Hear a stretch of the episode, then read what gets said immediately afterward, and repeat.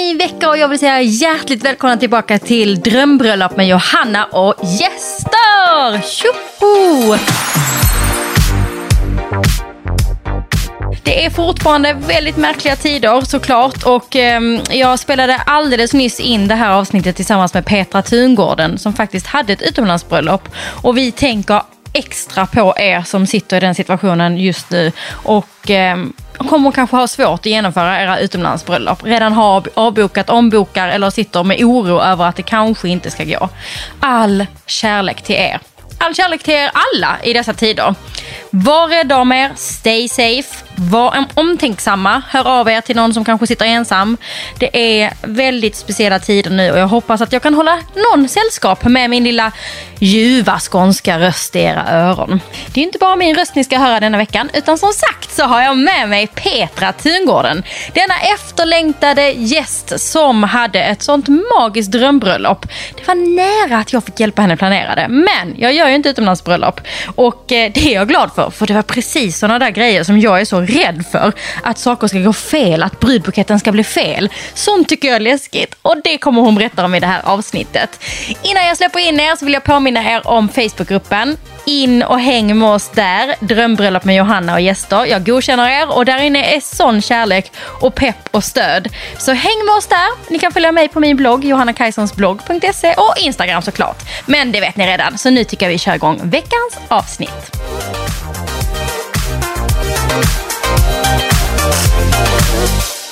Med mig på andra sidan luren har jag Petra Tungården!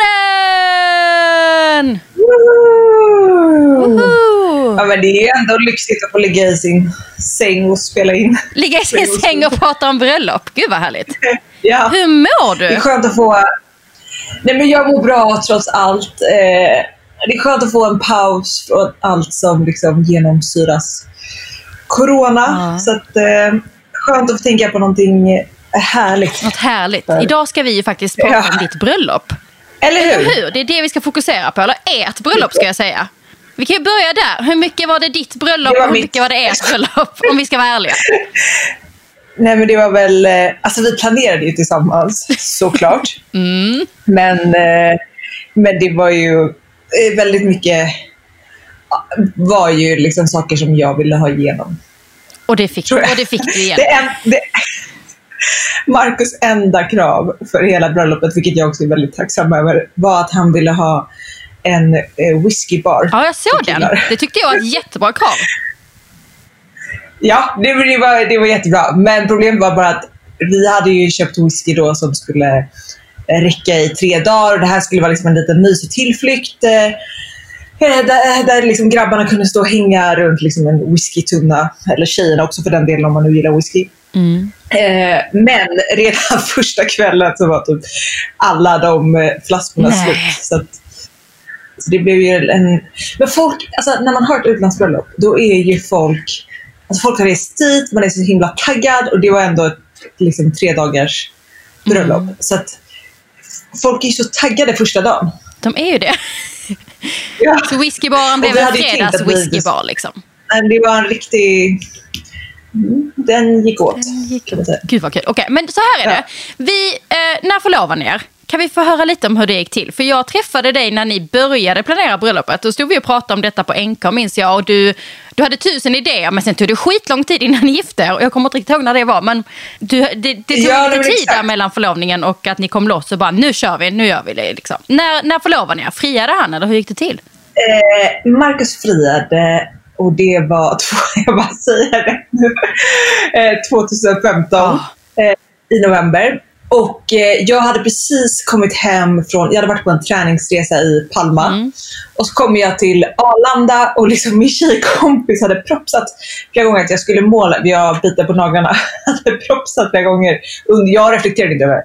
Men att jag skulle, hon höll på och gjo- gjorde manikyr på mina naglar och på att fixa. Och sen i efterhand nu så har ju liksom polletten trillat ner. Gud vad roligt. Men, nej, men så när jag kom till Arlanda så stod det en, eh, liksom, en chaufför och väntade med en skylt. Där det stod Petra. Och mina kompisar bara hejdå! Och jag fattade ingenting. Men då firade vi vår ettårsdag. Aha. Så att jag tänkte bara, och Marcus är ganska romantisk, så jag tänkte, ja, men gud han har bara styrt upp massa liksom, massa härligheter. Så när jag kommer hem så bara hör jag att det är hög Peter LeMarc-musik i lägenheten.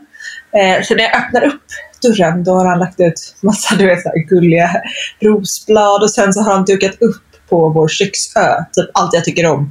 Så här, sura S, tryffelchips, champagne, Cola light. Ja men det var bara en liten buffé och han var inte i lägenheten. Nej. Och sen hade han... Gud vad kul! Nej, men jag blev så chockad. Jag, men jag bara, gud han har verkligen Men vet du det här, liksom, tagit... gick du igenom, sprang du runt, var det så här, hallå, hallå, tänkte du så här, hopp, Ja, ja, hoppar ja, han ut någonstans nu? Typ? Nej, gud vad Ja, kul. men för han hade lämnat Sonos på och tänt massa ljus. Jag bara, så han måste ju precis varit Mm. där. Liksom. Och då eh, har han lämnat ett brev där det står att så här, jag har gott om tid på, för han vet att jag hatar att liksom stressa när jag ska göra ordning. Mm. Eh, så han bara, om eh, en och en halv timme eh, kommer taxin och hämtar dig. Så jag hann liksom packa upp, duscha, göra mig ordning. Eh, och då tog den här taxin mig till en hemlig destination. Jag försökte luska ur det från taxichauffören men han vägrade säga. Och då åkte vi till, eller vi, jag, till Le Rouge i Gamla stan. Så kom jag ner, då hade han bokat ett bord fast som var liksom i ett annat rum så att det inte var en massa människor. Liksom.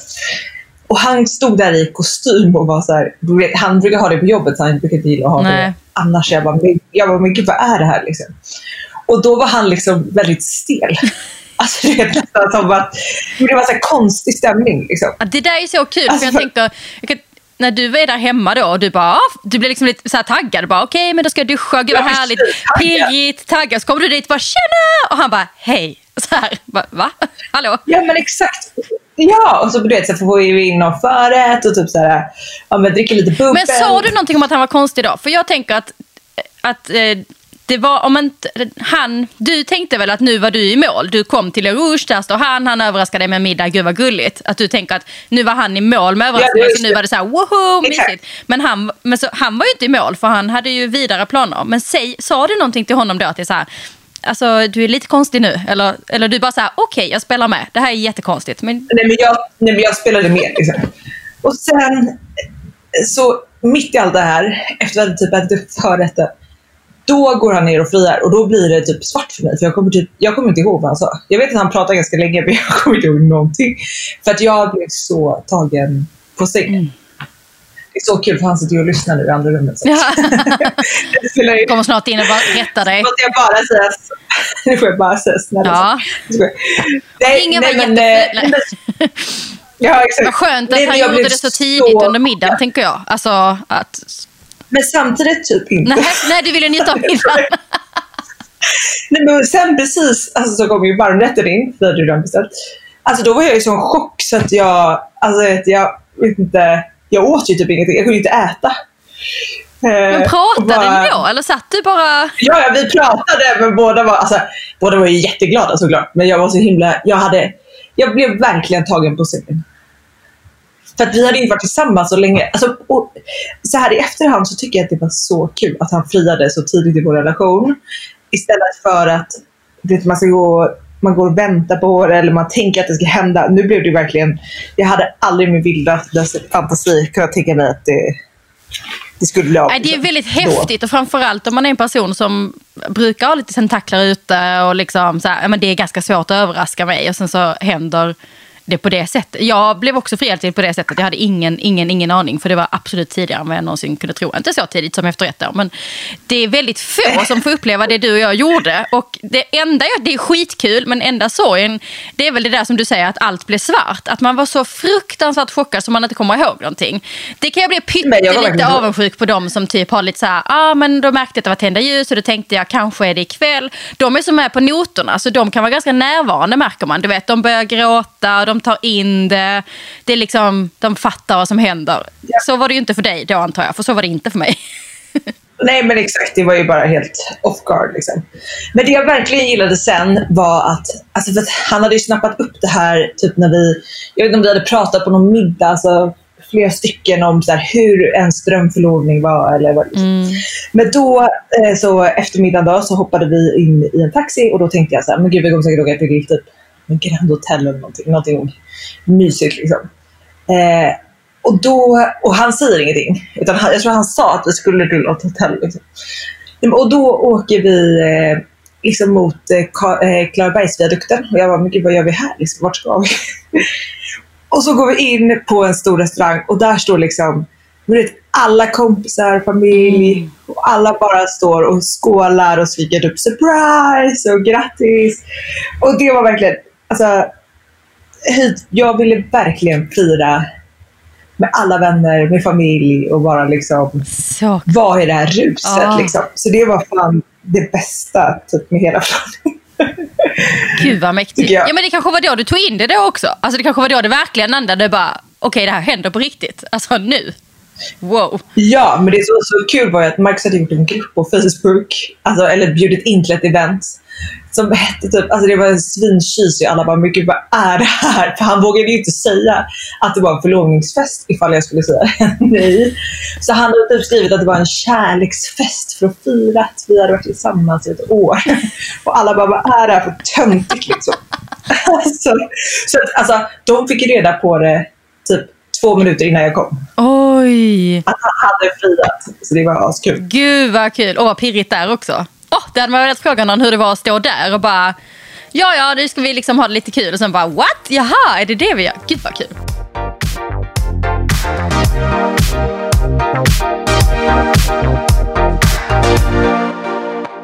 Då är vi på ett av mina favoritmoment i podden. Jag pratar såklart om vår huvudsponsor och vår fantastiska samarbetspartner Eva Attling som är med mig hela den här säsongen av Drömbröllop med Johanna och gäster.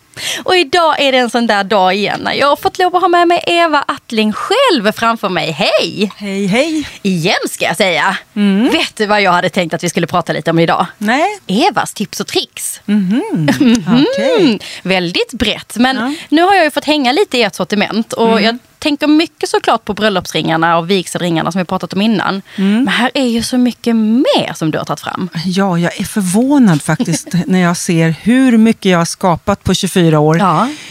Och det är inte slut än. Men det finns ju några riktiga godbitar tycker mm. jag då. Till exempel om man, om man nu ska gifta sig. Mm.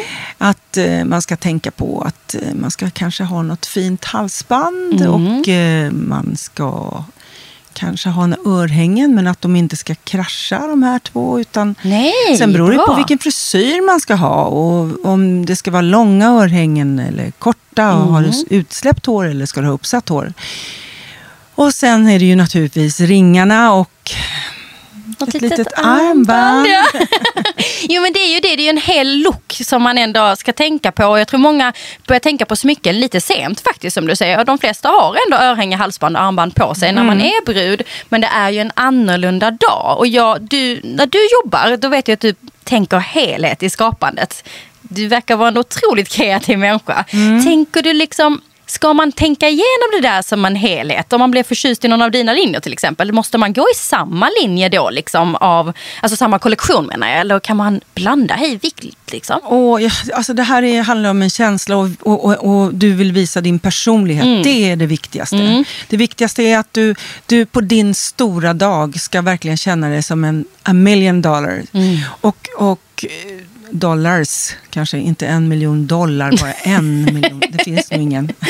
Men, men att du ska känna dig helt eh, fantastisk. Och, och då tycker jag att vigselringen kanske har ett, ett formspråk mm. och sen mm. så är, matchar du det med, med örhängen eller så. Jag tycker inte att man ska se ut som en julgran. Det, Nej. Men, men who am I to say? Mm. Det är inte jag som ska bestämma Nej. det. Det är du som ska känna det att det här är verkligen hur, vad jag har drömt om. Mm och det här förstärker liksom mig. Absolut, såklart. Mm. Jag tänker då om man har sina vigselringar så kanske man har valt rött guld eller så. Mm. Vad är dina spontana tips kring att blanda det? Rött guld och vitt guld och Och silver. Varför ja, inte ett par stora silverörhängen? Mm. För oftast så är det ju så att de, de större örhängena, eh, antingen är det bijouterier, men nu jobbar jag med silver och guld. Mm. Och är det guld så det, blir det blir det väldigt kostsamt. Ja. Eh, men jag tycker absolut att man kan ha ett par silverörhängen. Och, jag menar, en del gifter sig med silverringar också. Mm. Så mm. Det, det, det, där är helt, helt upp till, till brudparet. Men rött och vitt kan man blanda i alla fall? Rött och vitt kan man absolut blanda. Och ser, du har ju otroliga pärlor på dig idag. Det här är ju någonting som många Många får ju för sig att man ska ha ett pärlhalsband just när man gifter sig. Mm. Och då kan jag se ibland också att vissa som faktiskt kanske inte är de som brukar bära pärlor tar pärlhalsband. Typ jag. Brukar du inte ha det? Nej. Nej men det här pärl... Nu kan jag berätta för er kära lyssnare. Det här är ju mer ett statement pärlhalsband. Det är stora pärlor. Och sen är det trätt på en röd tråd.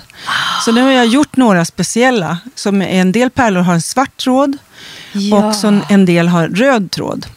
Eh, och sen har jag gjort ett eget lås, så det är som två en som kysser varandra. Ja, Så, man, så att eh, just det här med lås kan bli väldigt tråkigt. ja men det där. jag har skapat ett, ett, eh, ett lås som är väldigt personligt. Men just det här med att ha pärlor eh, och sen har jag trätt det på en annan tråd än vitt. Ja. Då blir det också ett, ett, eh, ett statement. Men nu är det ju så modernt med pärlor. Ja, exakt. Och jag, tänker, och jag måste säga det här låset, nu tittar jag jättemycket på det. Det blir ju som ett smycke verkligen som du säger. Det handlar inte bara om att ah, det är tråkigt, jag gjorde lite finare eller personliga. Utan det blir ju en del av smycket. Att låset är ett smycke. Ja. Jättefint. Men du, jag tänker då, de där som trillar dit och tänker att man borde ha pärlor. Fast jag brukar inte bära pärlor. Och då kan man nästan se på dem att de klädde ut sig till brud. Ska inte de ta något annat då? Som är lite mer dem? Ska inte de våga att inte ha pärlor då kanske? Jo, absolut. Det är bara det att jag är väldigt modeintresserad och därför har jag pärlor nu. Mm. Men du gifter dig inte just idag faktiskt. Nej. Nej. Nej, men eh, jag tycker att det, alltså, antingen så har man kanske ett litet guldhalsband Mm. med, med, med någon diamant på eller också har man med några av mina budskap Mm. som You and me och Amor vinkit omnia, kärleken övervinner Mm. allt som är ett, ett tema sedan många, många år tillbaka. Mm. Eh, För det är ju så, kärleken övervinner allt. Men gör ju det. Eller så har man, jag, jag har på mig det här med, med stjärnan idag. Mm. Vad heter det? Catch a falling star? Nej, men ja. Den, Ja. alltså, Oj, oj, nu sätter jag henne på ja, plats här. Precis. Hur Nej, många men- smycken har jag gjort? Ja, Över nej. 700 olika Där är design. så mycket. In på evaattling.se och spana. Det jag ville nämna också förutom det här med helhetslooken och det, det var ju eh, passa på och säg till eh, er respektive om morgongåva. Där finns ju mycket att kika på. Och jag tycker det är väldigt fint om man kan få det på morgonen så man faktiskt kan bära det på sin bröllopsdag. Mm. Men hur är det med, med när det är killar? Får de morgongåva också? Ja, jag tycker det. Jag Ja. pushar för det. Ja, jag gör ju jättefina manschettknappar till exempel. Det är jättebra ju tips. bra. Eller kanske en klocka eller så. Men eh, Ja. det, ja, ja, ja, det morgongåvor tycker vi om. Vi tycker om alla gåvor. Alla gåvor. Jag är för det. Ettårspresent, när man firar ett år bröllopsdag, klart man ska få ett litet smycke då. För det, det jag gillar med firandet, alltså att man, att man får någonting som man kan bära för resten av livet. Och där är mitt tips också till de andra, toastmasters, tärnor, marskalkar och ge tärnorna ett litet armband. Mammorna, att välja ut något smycke till dem och faktiskt tacka innan bröllopet så att de har möjlighet att bära det på bröllopsdagen. Då blir det ju ännu mer Ja, det är kärlek i det. Jättefint. Mm. In på evattling.se och spana. Tusen tack för att du var med. Denna veckan har vi med oss Stronger igen som en sponsor och samarbetspartner, vilket jag ju älskar, det vet ni. Och jag tjuvkollade på Instagram på en gäst som vi hade med förra säsongen, Nicole Falciani som ska gifta sig i år med sin Erik Sade. Har ni inte lyssnat på det avsnittet, gör det. Jag spanar på hennes Instagram och visst såg man väl att de hade på sig en massa fina, snygga, coola Stronger-kläder. Såklart. Jag själv sitter just nu i någonting som jag skulle få lov att hojta till er, sa de, att det finns tillbaka i lagret. Jag får alltid fråga om detta sättet. Det kallas kush och är ett mjukis mjukisset. Så sköna typ stickade tights, kan man kalla det det kanske? Och en hood till. Jag lever i detta sättet och jag får alltid frågor om det när, jag, när det syns på Instagram eller så att jag har på mig det. Jätteskönt, snyggt hemmasätt och jag brukar göra yoga i det också. In och spana på dem. De finns i två olika färgnyanser. Och de har precis kommit tillbaka till lagret som sagt. Och självklart har jag en rabattkod till er. Om ni skriver in DRÖM20 så får ni 20% rabatt på hela köpet. Riktigt bjussigt. Här tycker jag kanske att man kan få unna sig nu när man ändå Många av oss sitter hemma och jobbar. Det är mycket hemmakontor nu i dessa tider och då kan man väl absolut få lov att känna sig både snygg och ha på sig någonting mjukt eh, och lätt ta sig ut på en liten powerwalk mitt på lunchen. Kom ihåg att fånga solljuset. Så in på stronger.se och spana, sök på kurs eller ja, sök på alltihopa. Där finns ju hur mycket fint som helst. Men om ni vill ha det sättet som ni alltid ser mig i så är det kurs och de finns tillbaka i lager. Glöm inte rabattkoden DRÖM20. Okej, men vad hände sen då? Hur fort började ni prata bröllop från frieriet? Alltså jag tror ändå vi, jag minns inte exakt, men jag tror att vi njöt i alla fall typ ett år bara av att vara förlovade. Alltså, bara, mm, det är så härlig känsla. Man blir, det blir som att man, nu var ju vi ändå nykära, liksom, men man blir mer, mer, lite mer nykär. Folk skickade över bubbel till en när man var på krogen och bara grattis. Nej, men det var väldigt mysigt. Eh, och sen var det väl efter det som vi började prata om vårt bröllop. Alltså mitt problem är att det här är som när jag liksom ska ut och resa. Jag vill, jag blir manisk. Alltså jag tror att, du vet jag kan googla, googla, googla. Alltså jag bara googlar. Jag har väldigt svårt för att bestämma mig. Och vill liksom alltid ha det bästa. Alltså det behöver inte vara att det är, liksom, är det dyraste som är det bästa, men jag vill liksom ha det bästa. Du, och du vill också, det låter lite som att du vill vara säker på att du har valt rätt. Liksom. Att det är det det handlar om. Att om Ja, du vill ha exakt. sett allting Jag vill liksom ha så att du sen alla- kan välja. Och så att du är säker på att det är det rätt val för dig. Liksom. Det bästa för er. Och att det, kan, inte- det dyker inte upp någonting annat Exakt. om en stund. Så du tog Ja, det lite tid helt äh, enkelt. Nej, men jag höll på att få ett nervöst sammanbrott. Det var helt sinnessjukt. Så att jag tror att först sa vi att vi skulle gifta oss ett år, men sen så blev det uppskjutet för att vi liksom inte hittade något ställe. Och sen eh, fick jag kontakt med två tjejer som driver Marias, som är en liksom, bröllopsapp. Och eh, de hjälpte oss att hitta Alltså vi hade, vi hade liksom vår budget, men vi ville ändå ha ett tre dagars utlandsbröllop. Så att liksom, man var tvungen att vända och vrida på varenda sten. Och liksom, det som var svårt var för att vi, man ville inte gifta sig, eller vi ville i alla fall inte gifta oss under högsommaren kanske, för att det kan bli så himla, himla varmt. Och det blir ju betydligt billigare om det är off-season. Men du, när ni landade i utomlandsbröllop. Var Ja. ni säkra på i vilket land ni ville gifta er då? Eller var det mer så här, vi vill vara någonstans utomlands, alltså, det är det- varmt, vi, vi behöver inte oroa oss för att det ska regna. Var det mer så liksom? Alltså det var ju våra, det var liksom det vi ville. Det var därför vi ville vara utomlands. För att så här, 100% garantera att det skulle vara fint väder. Liksom. För jag tror både jag och Marcus såg vårt bröllop framför oss. Att liksom, men det solen sken, allt var härligt, livet var underbart. Man, man behövde inte oroa sig för regn. Liksom. Nej. Okej, så det var därför. Men, men det, var också, och det var också problemet. Och sen så ville vi gärna vara i liksom, och typ eh, slott eller herrgård. Eh, och helst, från början var ju kravet att alla skulle kunna bo under samma tak. Mm. För att vi ville verkligen ha den här gemenskapen.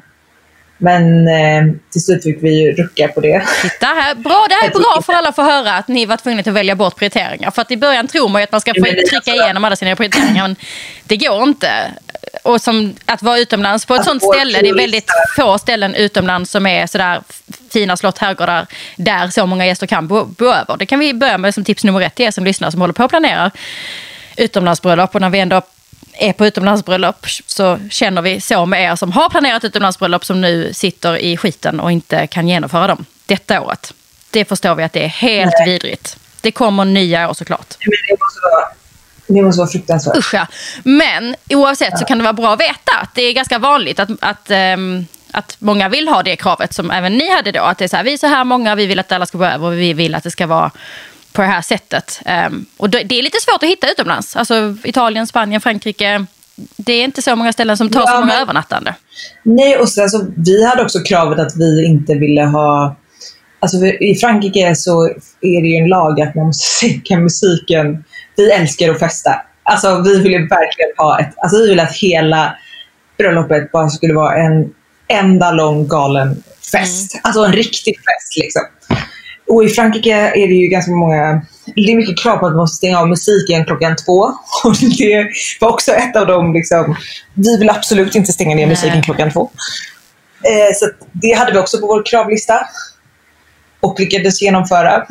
men, men så det är många liksom, aspekter som eh, väger in när man letar ställe. Åh gud, ja. Det där med att man måste stänga ner klockan två vet inte alla om heller kan jag säga. Eh, I Spanien så har de klockan 12, men då kan du gå in och då får du köra nattklubb inomhus. Eh, men jag tror du fortfarande måste stänga ner typ 2-3. Alltså det, utomlands är de svinhårda med hur länge du får lov att, framförallt utomhus, köra musik. Det är helt annorlunda mot Sverige. Alltså visst, vi har alkohollagarna som säger att vi inte får servera alkohol efter tre, men på ganska många ställen om man är liksom ute på någon herrgård någonstans så får man ju lov att fortsätta efter det. Även om man inte får lov att köpa alkohol. Så att man tänker Exakt. utomlands är allt så fritt. Vi åker dit och kan vi bara festa och ha det jättekul. Men de har ju massa konstiga regler också. Som den här. Som man inte har koll på innan man har börjat Ja. planera utomlandsbröllop. Så det är tips nummer två. Att man Nej, vet men det. också- Exakt, och sen så ville vi verkligen inte, nu blev det ganska krångligt för våra gäster att ta sig till vår location. Det var absolut inte med på vår lista kan jag ju säga. Eh, för nu var man tvungen antingen att flyga till Cannes och så var man tvungen att, att köra två timmar och hyra en bil. Eller eh, flyga och mellanlanda och så hämta en buss alla. Men, eh, och det, vi vill egentligen ha direktplan och typ så max en timme Mm. därifrån. Men så det fick vi också strunta i. Alltså det var många saker på listan som man fick eh, strunta i. Men hur kändes det? Är det då du var du frustrerad då? Eller var det fine när ni väl hade valt ställe? Kunde du landa i det? Nu har vi Alltså- valt ett ställe, nu är det på riktigt och börja måla upp bilden av att ha bröllopet där. Eller liksom fortsatte du ändå känna då att Åh, det hade varit roligare om alla bodde på samma ställe? Eller? Mm, nej, alltså det blev ju, alltså vårt bröllop var helt magiskt. Jag kan inte tänka mig ett bättre bröllop. Så att, eh, allt blev ju ändå bra till slut och det var massa saker som gick helt åt helvete. Okej, det här vill jag Men, höra. eh, Det här vill jag, jag ja, läste ju det på var- din blogg någonting om brudbuketten. Kan du berätta om det? Nej men det var en riktig disaster. jag har skickat så många inspobilder. Alltså, man måste ändå tänka att vi var ute liksom på franska landsbygden. Eh, och jag hade fått lite tips men det mesta hade jag liksom också googlat. Jag fick ganska mycket tips från Marius som hjälpte oss med eh, ja, men, liksom, möbelhyrning och etc. Men, men typ som blommor, alltså, man kontaktade ju folk själv och jag skickade inspobilder och hon sa att hon klarade av det. Alltså när den här brudbuketten kommer, som dessutom var dyr. Eh, när den kommer ser den ut som liksom ett sånt ihopplock. Alltså typ som en julbukett som man köper på ICA. Alltså det var fruktansvärt. Så Karo Sandström, min kompis, eh, som har ett öga för blommor, fick alltså slänga ihop en brudbukett i sista sekund. Alltså, men du vet, alla sådana detaljer. Eh, ja, det var, gick åt Men du, hur kändes det där och då? Men- För du vet många, du, när man planerar. Ja, vi hade sånt, vi hade sånt alltså för att en vecka innan vi skulle åka, tänkte att vi ändå så här, har planerat det här bröllopet. Det har varit så mycket stress, så mycket ångest. Eh, för att det har varit så svårt att kommunicera för alla pratade franska. Skulle jag gifta mig skulle jag aldrig välja ett ställe som inte har allting in-house. Eller som brukar göra, det här, det här stället brukar inte göra bröllop. Nej. Så att bara det var liksom mick. Så vi var ju tvungna att hyra in varenda liten pinal Mm. för det här stället. Liksom. Och ingen av dem, alltså alla är en enskild aktör. Ja. Så det var inte så att det var liksom ett paraply och så här, här kan ni hyra allt. Utan vet, vi hyrde, och sen är jag ganska kräsen också. så att vi hyrde liksom bestick därifrån, eh, högtalare, diskokula därifrån. Ja, men varenda liten grej var liksom olika aktörer. Så bara det var ju en huvudvärk i sig. Men en vecka innan vi ska åka, då står det att det är det galnaste ovädret någonsin som har dragit in över Frankrike. Det står att det ska bli 13 grader, det brukar vara typ 23 då. Men Det ska bli 13 grader och monsunregn och regna du vet, så här, 33 millimeter varje dag. Jag bara, det här är helt, du vet, jag satt och grät i soffan. Jag bara, det här är helt sjukt. Det ska flyga folk och det, hela vårt bröllop är förstört. Och det här slottet har egentligen inga, alltså det, det liksom, eller det var inte slott, det var en herrgård, eller chateau. Men äh, vi liksom kallar det slott direkta- Petra. Nu kallar vi det slott tycker Ja. jag. det var, men det hade liksom inga direkta bra sociala ytor inomhus. Alltså det, var, men det fanns ju rum men det var inte så att man kunde ha en stor brakfest där. Liksom. Så vi hade liksom ingen backup förutom vårt tält som vi hade hyrt in. Men skulle hela liksom, vår tredagars fest vara då i ett liksom, litet tält. Vi hade ju tänkt att flytta runt festen på massa Mm. olika locations varje dag runt slottet så att det kändes nytt. Och det hade hyrt in allting. Så att, och då satt jag i soffan och grät. Och så sa jag till Marcus, jag bara, okej, alltså vad som än händer med det här bröllopet. Alltså bara det blir sol, så, så kommer jag inte vara ledsen över något, jag kommer inte klaga över något. Eh, liksom, det har du mitt ord på. Alltså, fram tills dagen vi åkte står det att det ska liksom ösregna. Så det, jag, och det, gäster hör av sig och bara, men gud, hur känns det? Ser det så dåligt väder. Och sen som liksom av ett trollslag så säger de på nyheterna att, så här, att det är Afrikavindar som drar in över hela Europa. Så att istället för att det då blir det här monsunregnet så blir det alltså en värmebölja och det har inte varit så här varmt i Frankrike den perioden på typ 10 år. Så att istället blir det alltså 30 grader. Alltså, så vi hade sånt flyt. Så alla dagar var bara alltså, strålande sol, 30 grader, klarblå himmel. Poolen var så varm så alla kunde bada. Alltså, det, var bara, det, var liksom, det var som en sommarsemester. Okej, okay, så när den här brudbuketten dyker upp så är det bara så här, I don't care, det är sol. Nej, men jag kunde, jag kunde verkligen inte bry mig mindre. Kände, alltså, du, du, det kände du det till 100 procent då? Bara, vad ja, fan är det här? Jag det kan jag inte hålla i. För att jag var inne, jag liksom hade drunknat i min egna misär att det bara skulle regna ja. varje dag.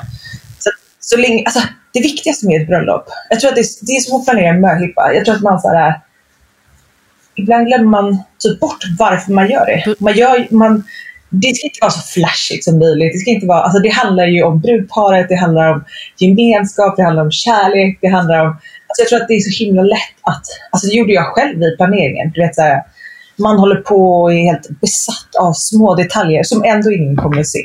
Alltså, jag, jag tror bara att, att man måste ta, när man är liksom, håller på att drunkna, så måste man bara ta ett djupt andetag. Alltså det här egentligen, så här i efterhand, så var typ det här beskedet om ösregn som sen förvandlades till sol, det var liksom det bästa som kunde hända oss. För att, i, alltså jag var så hårdhudad efter, ingenting kunde bryta på mig. Nej. Så hur tror du det hade varit annars? Om inte det hade, hade du varit, alltså hur hade du reagerat när den där brudbuketten ja. kom annars tror du? Men jag tror mer bara att jag är, är liksom fixerad vid saker innan. innan ja. Jag, alltså, alltså jag, alltså när det väl kommer till kritan så bryr jag mig faktiskt inte så mycket. Jag hade kunnat gå utan en brudbukett. Alltså, det är inte så viktigt för mig. Alltså, då är festen och musiken och alla vänner mycket, mycket viktigare. Mm. Ja, och så är det nog för de flesta. Det är det där att man blir sådär besatt och helt uppe i det i planeringen. Och det, jag vet inte, det, det är svårt och säga till någon som aldrig har gift sig att jag lovar du kommer inte bry dig så mycket där och då. För att å andra sidan så är det ju jättekul att planera. Det är ju jättekul att spara ner tusen Pinterest-bilder och jämföra och drömma. Och, så att på något sätt så är det ju balansen av att man ska få lov att gå loss i planeringen på det där sättet. Men att man, man måste bara ha tillit till att där och då kommer det bli jättebra ändå. Och en massa saker kommer gå åt helvete och du kommer inte bry dig. Du kommer inte bry dig där och då. Det är okej att man vill planera för att det ska bli så bra som möjligt. Men sen när det är dags dags att bara släppa. För att de flesta bryr sig faktiskt inte så mycket på om brudbuketten var lite fel eller tårtan stod upp och ner. Typ. Inte där och då. Man, man gifter ju sig för att man, liksom, man vill fira sin kärlek. Inte för att man vill visa upp vad man har köpt för blombukett. Nej. Alltså, någonstans. Liksom. Exakt. Men absolut, det kan vara svårt att... Mitt när man står där kanske det är svårt att eh, tänka så. Men eh, Alltså jag, jag har alltid trott att allting löser sig och det gör det alltid. Liksom. Ja. Vi hade dessutom en annan grej som gick helt fel. var att eh, eh, bandet vi hade bokat via en, eh, en kompis som har en eventfirma i Cannes. Det bandet hade bokat från eh, London eller England som skulle flyga över. Eh, då kommer det liksom tre helt andra killar än de vi hade bokat. Alltså det, det här är, och vi hade liksom redan betalt allt. Alltså, så här i efterhand, jag bara, men gud varför krävde jag inte pengar tillbaka? Men efter bröllopet var jag helt slut, så jag bara, jag orkar inte. Nej, för bröllopet blev ju fantastiskt så då, då orkar man inte ja, rodda med sånt för då känner man att man förstör bröllopet om man ska vara arg på sånt där. Men vadå, när fick, de, det bara var när de stod där helt plötsligt så bara tittade du på dem och bara, nej vänta det här är inte de vi har bokat. Eller när upptäckte ni det? Liksom? Men hon som hjälpte mig att planera bröllopet på plats har en event eh, eh, firma i Cannes. Eh, och hon, hon bara, få inte panik nu. Hon bara, men det är inte de tre killarna som vi har bokat. Hon bara, de har skickat mina tre, alltså ett, ett annat band. Liksom. Det är helt sjukt. Så, nej, det var helt sjukt och de var ju inte alls lika bra. Alltså saxofonkillen var jättebra men, eh, men han var också äldre. Det skulle ju varit en så skön ung kille du vet, som bara hoppade upp på borden och bara wow. Mm. Nu, nu, är mina, nu är mina kompisar ändå så pass galna och crazy. Så att, eh, det gjorde ingenting. Liksom. Men, eh, men det är ändå segt när man har betalat för någonting och så får man någonting helt annat. Verkligen. Och det är väl det luriga med utomlandsbröllop, just som du säger. De pratar ett annat språk, det är svårt att kvalitetssäkra. Så som en bild på brudbukett som du visar, det är kanske inte den stilen de jobbar med. I Spanien är det ju massa manana manana till exempel. Frankrike, ja de, de kan ju vara väldigt otrevliga och man älskar dem ändå av någon märklig jäkla anledning. Men de kan ju också verkligen köra sitt race. Alltså, ah, så här gör vi här, punkt. Och då, de är ju inte service-minded på det sättet som vi är vana vid i Sverige. Så att och nu uppenbarligen kunde man inte ens kvalitetssäkra vädret när man bokar utomlandsbröllop. Så det är ju många, många drömmer nog bara om att så här, Åh, vi skulle bara bokat ett utomlandsbröllop, det är så enkelt och härligt. Men så är det ju inte. Det är en massa, massa utmaningar med det också såklart. Gud, alltså jag tror, alltså med facit i hand så skulle jag ju säga att det är Alltså det beror helt på vad man gifter sig Om man gifter sig på ett sånt ställe du vet, som, som gör en triljard bröllop ja. per år, då har ju de stenkoll på allt. Liksom. Men att gifta sig i Sverige tror jag kanske i slutändan är, alltså ändå är lättast. Liksom. Jag vet inte. Ja, I alla fall i dessa tider. För då kan du verkligen få exakt vad du vill. Ja. Ja, och det här med, jag, jag intervjuade mm, Melina Kribron som de gifte sig i Spanien och hon sa ju att där var det också stort problem med det här med, med uthyrnings... Alltså i Sverige är vi så bortskämda med att vi kan välja glas och bestick och servetter och dukar och att man verkligen kan handplocka allt och så verkar det inte vara riktigt än i Italien, Frankrike och Spanien utan det är ganska snävt med uthyrningsutbudet liksom. Bara en sån grej är ju rätt stor alltså, skillnad.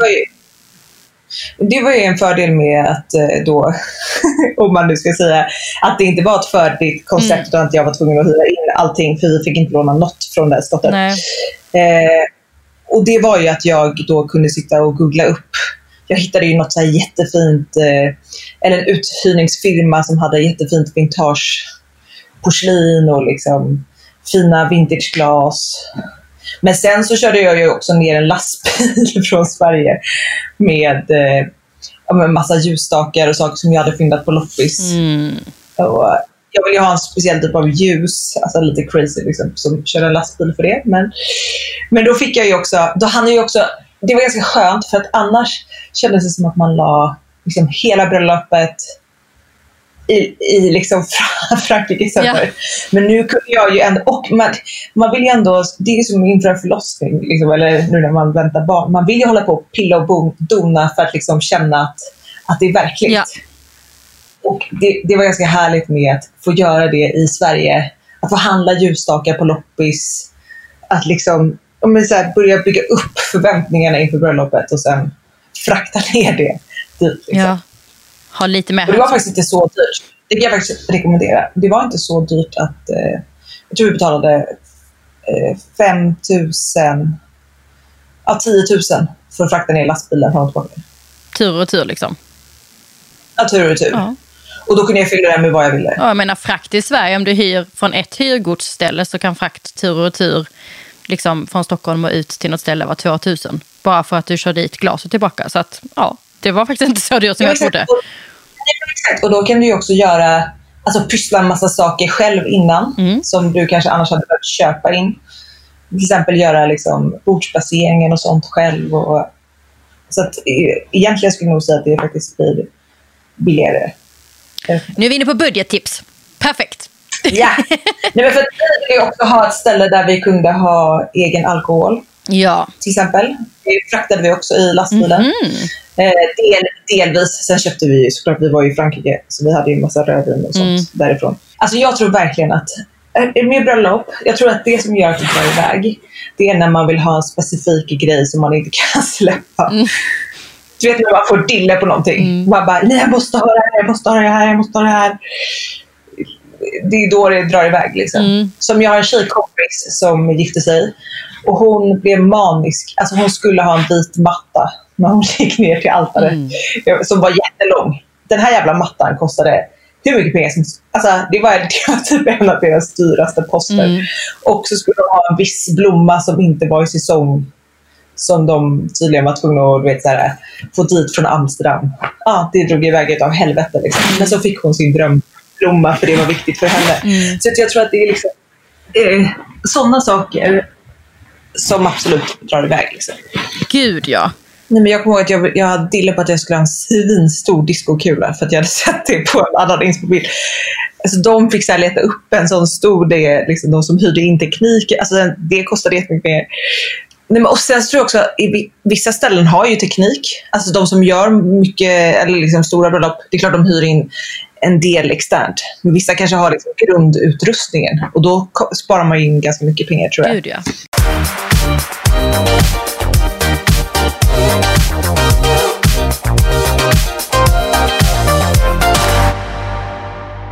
Jag har fått in massa frågor som jag ska ställa dig, men innan vi går in på dem så känns det ju bara ganska självklart att prata med just dig om hur tankarna gick med klänningen, klänningarna, kläderna liksom, i dessa tre dagar. Hur, hur hittade du rätt liksom? Hur gick det där till? Men jag planerade ju min klänning eh, tillsammans med Ida Lanto och Sara Biderman som är stylist och en av mina bästa kompisar. Och vi satt och spånade hur länge som helst. Eh, och men, men till slut landade vi i att jag ville gifta mig i någonting eh, väldigt klassiskt. För att jag lyssnade på en podd med Amanda eh, Schulman och Hanna Widell. Där de sa att de kollade tillbaka på sina Ja, bröllopsbilder hör. och kände så här. Ja, och bara så här, vad fan hade jag på mig? Varför gifte jag inte mig i någonting klassiskt? Alltså ändå så här, om flera år när du kollar tillbaka i bilderna så kommer du ändå känna att så här, eh, okej, fan, det var ändå liksom det var ändå snyggt. Så då, då fick jag liksom dille på den idén. Sen älskar ju jag alltså, klaustrofobi, tajta klänningar där man verkligen ser liksom, kroppens former. Så jag ville verkligen ha en tight klänning också. Och gärna ha någon som, liksom, ja, men som kändes tidlös. Så att vi letade tyger jättelänge för att jag ville hitta någon som känns lite vintage. Och liksom, ja, men, men som skulle funka i alla tider. Liksom. Så att vi, det som tog mest tid var ju att leta upp rätt textiler. Men det som var kul var ju att vi bestämde oss för att göra två klänningar. För då, då fick man ju både och. Liksom. Ja, det är briljant. Det är ganska Alltså, vanligt då nu. fick vi- Och Då, då kan man gå på två olika spår. Liksom. Ja, men då var det en klänning som var mer boho, eh, kanske mer nutida och en liksom lite tyngre klädd spets. Den hade jag inte velat ha hela kvällen för att den, den, det var ju en poloklänning som jag hade på mig. Och den var väldigt snäv och hade ett extremt långt släp. Så att jag hade inte... Man vill ju ändå kunna röra sig fritt. Man vill ju kunna dansa livet ur sig på sin egna bröllopsfest. Liksom. När bytte du om under kvällen? Eh, jag bytte om precis innan middagen. Ah, Så det var skönt. Men som sagt, det blev ju väldigt varmt. ja. Gud, ja. det skulle ju vara, nej, men alltså, det skulle ju vara 20, vad sa jag, 23 grader ish. Och det, egentligen så blir det ganska kallt eh, alltså den perioden. Alltså vi skulle ha värmelampor i tältet. Och så här. Alltså nu var det så här, vi, det var så pass varmt att vet, folk satt nästan och fläktade sig i tältet. Alltså vi kunde inte ha värmela. Alltså, så det var ganska varmt med liksom en poloklänning. Ja. Så när vi skulle ta våra bröllopsbilder och du vet, solen gassade, då var det riktigt svettigt kan jag säga. Det förstår jag. Gud vad skönt. Jag bara, okej, nu tar jag med den här, nu tar jag på mig en annan klänning. Nej, nej, men bara med klänning så tycker jag, alltså, om det är någon gång i livet man, om man nu har budgeten, alltså och chansen att få någonting som är sytt utifrån ens egna kropp, så är ju det så häftigt för det sitter ju verkligen som ett andra skinn. Nej, men jag håller med, verkligen. Och det finns jättemånga designers och jag måste säga att ganska många designers är inte så dyra som man tror. Verkligen inte. Så att jag tycker man ska kika på det. Och sen finns det ju eh, ute i hela vintage avlånga... Ja, vintage. Man kan sy om. Man kan sy upp Det finns sömmerskor i hela vårt avlånga land ehm, som kanske inte jobbar som designers på det sättet. också- Utan man kan tillsammans. Men först var jag inne på att jag skulle göra en klänning och sen att jag skulle ha en klänning som jag hade provat ut hos Elsa Billgrens i hennes ateljé. För hon har ju hur. Alltså hon har verkligen... Alltså om ni nu ska gifta er så rekommenderar jag alla att gå dit. För att hon har sån fingertoppskänsla för vad man själv passar i. Alltså hon kollade på mig och bara... Alltså hon, för hon, det är inga klänningar där som är storleksmärkta. Nej. Utan hon bara liksom... Hon kollade på min kropp och hon bara, okej jag ser direkt. Plockade ut klänningar, alla satt som en smäck. Gud vad häftigt. Så det som var kul med att gå dit var att du fick prova så många olika eh, modeller. Ja, gud vad mysigt att göra med sina tärnor. Ja, men jättemysigt. Jag rekommenderar alla att göra det. Det var väldigt trevligt. Så bra tips. Okej, men sen skulle du ha på dig kläder fredagen och söndagen också. Jag tänker att du skulle nog inte vara naken då. Alltså, det, här blir, det blir ju så här bröllopsdagen, bröllopsklänningarna blir så viktigt. Men hur tänkte du på fredagen och söndagen med de outfitsen? Eh, på eh, dagen innan så hade vi, eh, då var det typ Paris chic-tema. Men jag kände att jag ändå ville ha eh, ja, men, typ vitt hela helgen. Mm. Liksom. Eh, Men, men egentligen, alltså, nu tog bröllopet så mycket tid. Så att man hade ju så storslagna planer på vad man skulle ha på sig. Och liksom. Men jag blev supernöjd. Jag hade på mig en klänning med pärlor från Ida Sjöstedt dagen innan. Och sen eh, på dagsfesten så hade jag på mig en vit baddräkt och en superglittrig klänning som också var från Ida Sjöstedt. Eh, men då hade, vi, då hade ju alla gäster också tema mönster Mm. och färg. Så det var ganska kul. Det var verkligen en färgklick dagen efter. Gud vad kul. Jag, tror också, jag tycker också att folk tycker, jag tror att folk tycker att det, säger jag nu, men jag tycker att det är kul med klädkoder. Alltså jag har en tjejkompis som gifte sig nu som hade eh, ja, men typ, alltså jordnära toner och guld och glitter tema på sitt bröllop i Grekland. Och det var ju helt magiskt när solen gick ner och alla bara liksom glittrade i kapp. Ja. Jättefint. Ja, men jag älskar det. det är fasiken, varför inte köra loss på, på den typen av klädkoder? Men sen tänker jag också att eh, man får ha liksom lite brett kring det. Det beror på vad man har för kompisar. Jag har Exakt, Det är kompisar... klart man inte för snävt så att folk ska behöva gå och handla på sina Nej. nya kläder.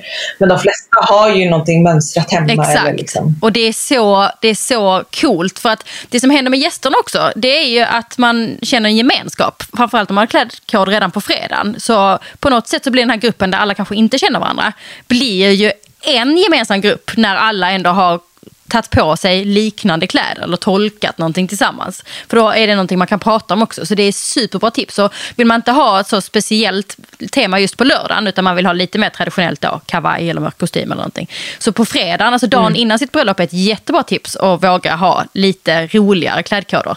Någonting på tema liksom.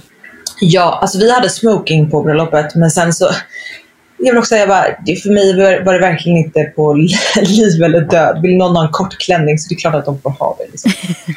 Bjussigt. Var det någon som hade kort klänning? Nu vill jag veta. Ja, det var det faktiskt. Men hon var höggravid och hon bara, jag kommer inte i någonting annat. Så hon fick ha kort. Min pappa var så här, han bara, jag tycker fan att gå och köpa någon ny jävla smoking. Så han sydde om min, eh, min farfars gamla smoking. Så det var ju mysigt att han hade på sig den. Ja, gud vad Så fint. alla får göra på sitt Ja, sätt. Liksom. gud ja. Okej, nu kör vi lite frågor. Bästa tipset för flerdagars bröllop. Hur tänkte ni när ni la upp stämningen och körschemat och liksom hur det skulle vara? Alltså, framförallt skulle jag rekommendera alla att ha i alla fall ett två dagars bröllop. Eh, och i så fall kanske dra ner lite på budgeten på själva bröllopet. För att det är då du hinner hänga med alla. Och skulle jag ha ett två dagars bröllop nu så skulle jag ändå lägga det så att bröllopet är på fredagen och att då festen eller brunchen, sen beror det ju på lite vad man är för typ och vilken ålder man är i. Men om man vill ha ett festbröllop så skulle jag lägga bröllop på fredagen och brunchen på lördagen så att det liksom blir fest då också så att folk inte bara vill åka hem för att man är bakis och vill, man ska jobba dagen efter. Så att jag rekommenderar verkligen fredag lördag bröllop. Så bra Sen är väl Ja, och sen så är det väl, eh, nu blev ju folk ändå ganska plakatar redan första kvällen hos oss, även fast vi inte hade starksprit då, förutom det här whiskybordet. Men det är väl egentligen att så försöka eh, liksom stänga ner festen i tid, På fredagen. så att folk är på topp alla dagar. Liksom. Skulle jag nog säga. Men det jag gillade också med vårt bröllop på, alltså vår dagsfest sista dagen blev ju, det blev verkligen en super, super bak, alltså super, super brakfest. Jag trodde inte att det skulle eskalera så och bli så jä... Alltså det, vi festade hela, hela dagen och liksom sent in på natten. Men det jag gillade med det var att en killkompis kom fram till mig och bara han bara, folk tror att det här bara är liksom en trevlig liksom, lunch dagen efter. Han bara, vi måste öka stämningen. Han bara, hämta facklorna, hämta spriten. Han bara, nu kör vi. Så att mitt tips är typ att också ha, om man nu vill ha fest dagen efter bröllopet och att det ska bli en bra fest. Ge det ansvaret. Det kanske inte behöver vara just toastmasterna igen utan nu har de liksom gjort sitt och kan få lite ledigt. Utan så här, ge ansvaret till två, till dina bästa bästa festprisskompisar. Och bara så här, Ja, ni får ansvar att bara levla upp och dra igång stämningen. För det behövs alltid någon som liksom lägger i femmans växel så att folk kommer igång om man nu är rejält bakis eller trött eller vad man nu är. det där är så bra tips. Det var en som frågade, är, det bara tack vare era partyvänner eller vad är tipsen för att få till deras stämning? Och det där är ju superbra tips. Och det, alltså, både om party och också om annat. Alltså, allting som man har en önskan om hur det ska bli i stämning under hela sin bröllopsdag eller bröllopshelg.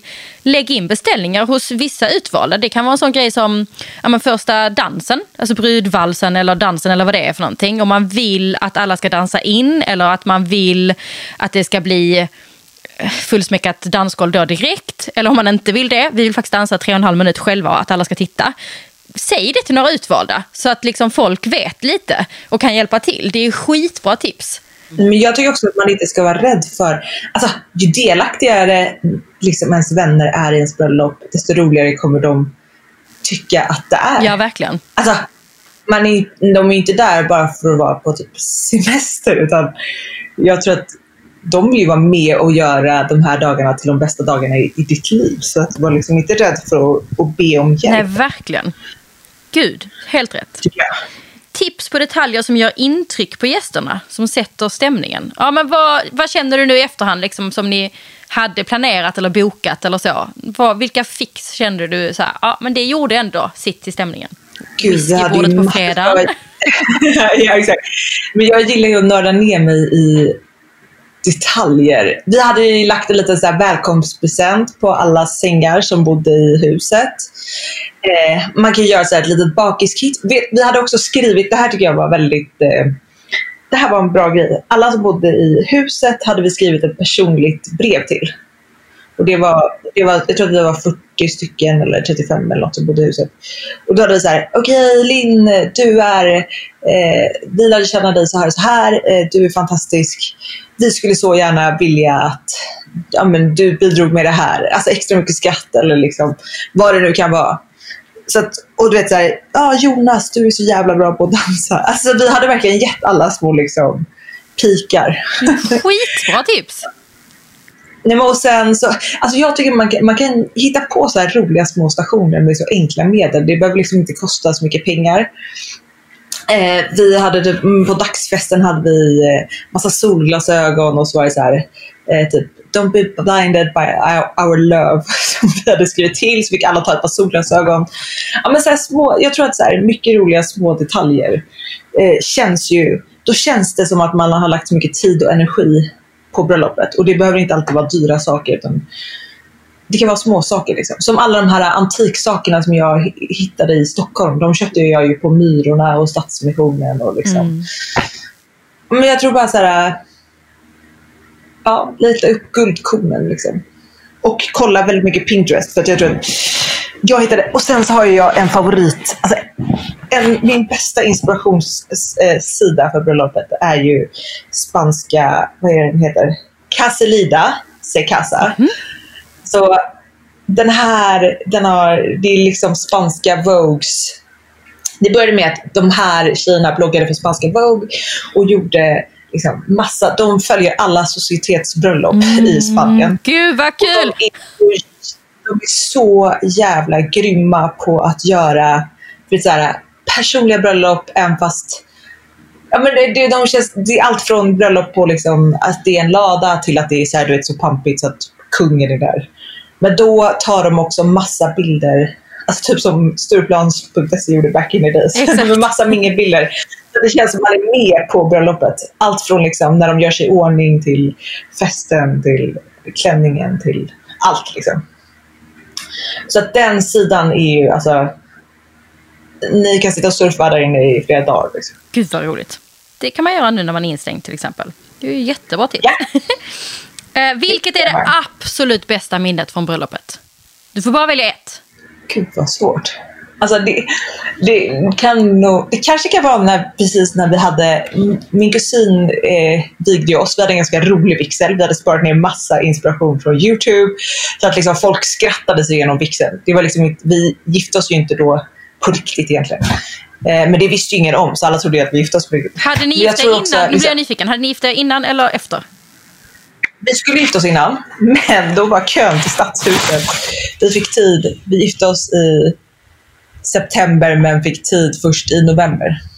Ja. Så det var jättelång kö. Så det är också ett tips, kolla upp det. Eh. Det är kul. Nu, nu när du ska prata om det här ska jag säga att här var en fråga. Hur var det att vigas av sin kusin? Hur gick det till? Ehm, och vem bestämde hans manus och så vidare? Ja, men vi hade, vi, jag, min kusin och Marcus då, hade, ja, men du vet, sågs några kvällar hemma hos oss och planerade. Samtidigt vill man ju inte veta allt heller. Nej. Alltså eftersom vi ville ha roligt. Så han hade skrivit ihop så här, ja, men, några roliga ord som beskrev oss och liksom eh, en killkompis. Först så läste eh, Forney, en av mina bästa kompisar, upp en liksom, kärleksdikt. Och sen skulle en av Marcus kompisar läsa upp en dikt och då var den typ så här, då, var det, då läste han upp en hiphop-dikt. Fast, som, fast han läste den som en romantisk dikt som var väldigt rolig. Ja, men det var mycket så här, jag tror att folk verkligen skrattade sig genom hela fixet. liksom. Och det var precis den känslan vi ville ha. Ja, det är väl det som Eftersom är varken jag och grejen. Marcus. Liksom. Så man måste ju hitta sin, sin grej. Liksom. Det måste ju inte vara traditionellt. Och att man vågar, återigen, att man vågar ja, man lägga en liten beställning, en önskan om hur man, hur man vill ha det. För att det är ingen som, om inte man säger det, men ni är väldigt tydliga med att det får vara typ hur kul som helst. Då vågar man ju gå loss. Men om man säger så här, ah, men vi vill inte ha det så stelt, lite kul. Då hade de ju inte vågat gå loss kanske så mycket. Så att, att man vågar vara tydlig i, i ja, vad man önskar av de som är involverade. Både sådana som ens kusin men också leverantörer. Att liksom verkligen... Men sen tycker jag, en, ett inslag som blev jättekul, fast som egentligen inte var så kul. Marcus hade skämtat jättemycket om att så här, ah, hans eh, best man, Hampus, skulle såklart glömma ringarna. Liksom. Nej, då glömde han ju också ring, ringarna uppe på termen. Så då blev det skitkul att eh, du vet, han sprang upp och hämtade dem och alla började så här, jubla och applådera när han kom inspringandes med liksom, ringarna. Det här var ju innan jag hade kommit in. Liksom. Men det blev liksom en rolig grej när folk fattade. Gud vad roligt. Man kollar mycket YouTube. Det finns jättemånga roliga... Alltså sök på eh, alltså ceremony, ce- vad heter det? ceremony. Wedding. Vad heter det? Wedding ceremony. ceremony. Men exakt, om man typ så här funny så kan man kan få hur mycket inspiration som helst. Om man nu vill göra någonting annorlunda. Liksom. Hur hanterar man alla yttre krav av hur ett bröllop borde vara? Kände ni av det eller kände ni vi kör vårt eget race? Men jag tror verkligen att vi körde vårt eget race helt och hållet. Tycker jag. Alltså jag ville ju att det skulle liksom andas oss så mycket som möjligt. Ja, det måste man ju säga att bilderna genomstrålar. Men jag, tror, jag tycker verkligen att man ska... Alltså, det är det som är så kul med bröllop idag. Att alla bröllop kan se helt olika ut och jag tycker inte man ska, man ska verkligen inte vara rädd för att göra det på sitt sätt. Liksom. Nej. Vad vill vi liksom? Men sen, sen så får man inte glömma bort gästerna heller. Man, det, även om bröllopet handlar om en själv så är ju också gäst, man vill att gästerna ska ha det så bra som möjligt. Liksom. Ja, för då blir det också att man bygger stämning så det är nästan en kickback till sig själv. Exakt. Det både till dem och till sig själv kan man säga. Du, hur gick tankarna när ni valde bröllopsfotograf? Nej, men alltså jag har ju eh, sett eh, Johannas, eh, Johanna Rosenlövs bilder innan som vi valde. Och jag tycker, alltså så fort jag skrev typ henne innan, alltså direkt när Marcus hade frihet. För då hade hon precis eh, fotat eh, Babba Canales Mm. bröllop. Och de bilderna var ju helt jävla magiska. Så att jag visste, alltså jag visste jag bara, ja vi måste ha henne. Nej, men och sen i sin tur tipsade Johanna om Olivia och Felicia. Eh, som jag tycker klippte ihop Alltså, det, alltså de bröllopsfilmerna, det är typ det roligaste från hela bröllopet. Mm. För jag tycker att de verkligen lyckades fånga hela känslan. Alltså det känns som att man är där i Frankrike. Marcus fick nog knäpp för typ två, två veckor sedan och bara kollade på liksom, film, filmerna från bröllopet. Typ, jag vet inte, varje, varje kväll i liksom, två veckors tid. Men för att man bara, det känns verkligen som att man förflyttade sig Mm. dit. Så jag rekommenderar verkligen både film och foto. Mm. För att film ger så mycket mer känslan. Medan foton vill man ju såklart ha. Det jag gillar med Johannas eh, fotografering är att det känns nästan som man eh, liksom kommer in i en saga. Mm. Och de tog en triljard bilder. Alltså så mycket Det gillar man ju också, att- att man får jättemycket bilder. Att men det är man- begränsat. vill du veta det bästa med båda de här två? Det var att de var som små ninjas. Alltså, man så, jag såg dem inte typ Alltså jag såg dem inte under typ hela helgen. Alltså de bara, du vet så här, de höll sig i bakgrunden. Men de fick ändå med allt. Åh, det här är den Så att jag- bästa beskrivningen jag någonsin har hört. Jag lovar, alla bröllopsfotografer och bröllopsfilmare kommer älska dig för denna beskrivningen. För det är exakt därför man ska boka riktiga, nischade bröllopsfotografer och bröllopsfilmare. För att de är som små ninjas. Det här är den bästa beskrivningen jag har hört. Ja, ja. Exakt därför ska man boka proffs. Ja, men för det jag älskade med dem var så att de var aldrig ett eh, störningsmoment. Det var aldrig så här, åh, kan, eh, kan ni ställa upp så vi får ta en bild? Utan de, det var inga sådana bilder, utan Nej. alla bilder var bara in, in the moment. Eh, och jag tror ingen kände sig fotograferad heller. Nej. Nej, det är så bra Utan beskrivet. De bara smattade av liksom. Gud vad kul. Så de rekommenderar jag. Det var någon som frågade, vad är du mest nöjd med att du la lite extra pengar på? Ja, men mat la, mat la vi ganska mycket pengar Mm. på. Och det är man ju, alltså, jag tycker maten överlag var väldigt bra. Cateringen var bra, det var bra servitörer. Men jag var extra nöjd över det. Gud, jag vet inte. Alltså jag tror mest, alltså, jag tror att jag är nog mest nöjd över att det blev en bra helhet. Mm. Jag tror det är lättare att säga typ vad jag inte Ja men kan vi inte lista en liten sån då? Det är, jag tror folk vill höra. För att det, ser, ju- det ser ju ut som ett totalt drömbröllop såklart. Bilderna, film, allt är magiskt liksom. Och man, men någon hade faktiskt skrivit sådär, det kändes som att det var lite strul och stress kring hennes bröllop eh, i planeringen. Så jag, jag tror folk ändå tycker det är befriande att höra vad, som, vad du inte var nöjd med, vad du hade gjort annorlunda också. Men jag hade aldrig lagt så mycket pengar på att flyga in eh, de här, Nej. det här bandet från ett annat land som inte ens eh, var det bandet. Det känns ju helt sinnessjukt så här i efterhand. Vi hyrde in någon jättedyr, det var i och för sig kul att ha, men en jättedyr fotoautomat. Mm. alltså det var ju svinkul, men jag vet inte i efterhand om, om det var eh, värt det liksom. Gud vad var det mer? Jag tänkte, men blommor. Alltså, blommor. Jo, okej jag hade ju lagt de pengarna på blommor om det nu hade varit eh, om det hade blivit som jag hade tänkt Mm. mig. Men det, det är svårt med utlandsbröllop. Att liksom, för jag försökte ju få henne att hon skulle göra en testbukett, men det ville hon inte, inte göra. För jag hade aldrig träffat henne live, jag hade bara pratat med henne över telefon. Mm. Liksom. Ja men blommor är Men svårt är- utomlands. De gör blommor på ett helt annat sätt. Så det, det är svårt. Och då kanske tipset är att inte lägga så himla mycket pengar på blommor. Eller ta med sig svenska florister. Det kan man göra. Svenska florister kan köpa in blommor utomlands och bygga allting där. Så det kan vara tips om det är någon som tycker blommor är superviktigt. Så att man, om man då lägger pengarna så blir det som man vill. Ja, men, okej, nu kanske jag har kompisar som just eh, jobbar liksom inom den branschen. Men, eller typ så här, bjussa en av dina kompisar på två extra semesterdagar så kan de åka och liksom, eh, fixa det åt dig kanske. Så bra tips. Gud, det känns som jag hade grejer som jag inte ville lägga saker på, men det- sen kom jag inte på någonting. Så kul Ja. att du var med och gästade. Om du får bara säga ett tips till alla som sitter och planerar bröllop just nu. Om vi bortser från hela, hela eh, krisen världen står inför. Utan vi bara låtsas, vi blundar och låtsas som att allt är som vanligt och folk planerar sina drömbröllop. Vad är ditt bästa tips till dem nu? Då skulle jag säga typ så här. Alltså glöm inte varför ni gifter er. liksom, absolut, det är skit. Alltså det är verkligen kul med detaljer. Jag tycker att det är detaljer som gör ett bröllop. Men, men liksom, börja inte bråka om onödiga saker utan försök att ha kul längs vägen. Tusen tack för att ni lyssnade på veckans avsnitt. Så himla fin intervju med Petra. Eh, vi satt ju på distans så som, som alla gör just nu och spelade in. Vi skulle träffas i Stockholm men nu blev det så här och det blev ju lika bra det ändå tycker jag. Nästa vecka gästas vi av John Valencia som ska gifta sig senare i år med sin Johan. Och det är ett så himla fint avsnitt så det får ni inte missa. Vi hörs då. Ha en fin vecka och var rädda om varandra. Hej hej! Drömbröllop med Johanna och gäster produceras av Life of Svea. Prenumerera på Drömbröllop via din poddapp. Rata den och tipsa också en kompis.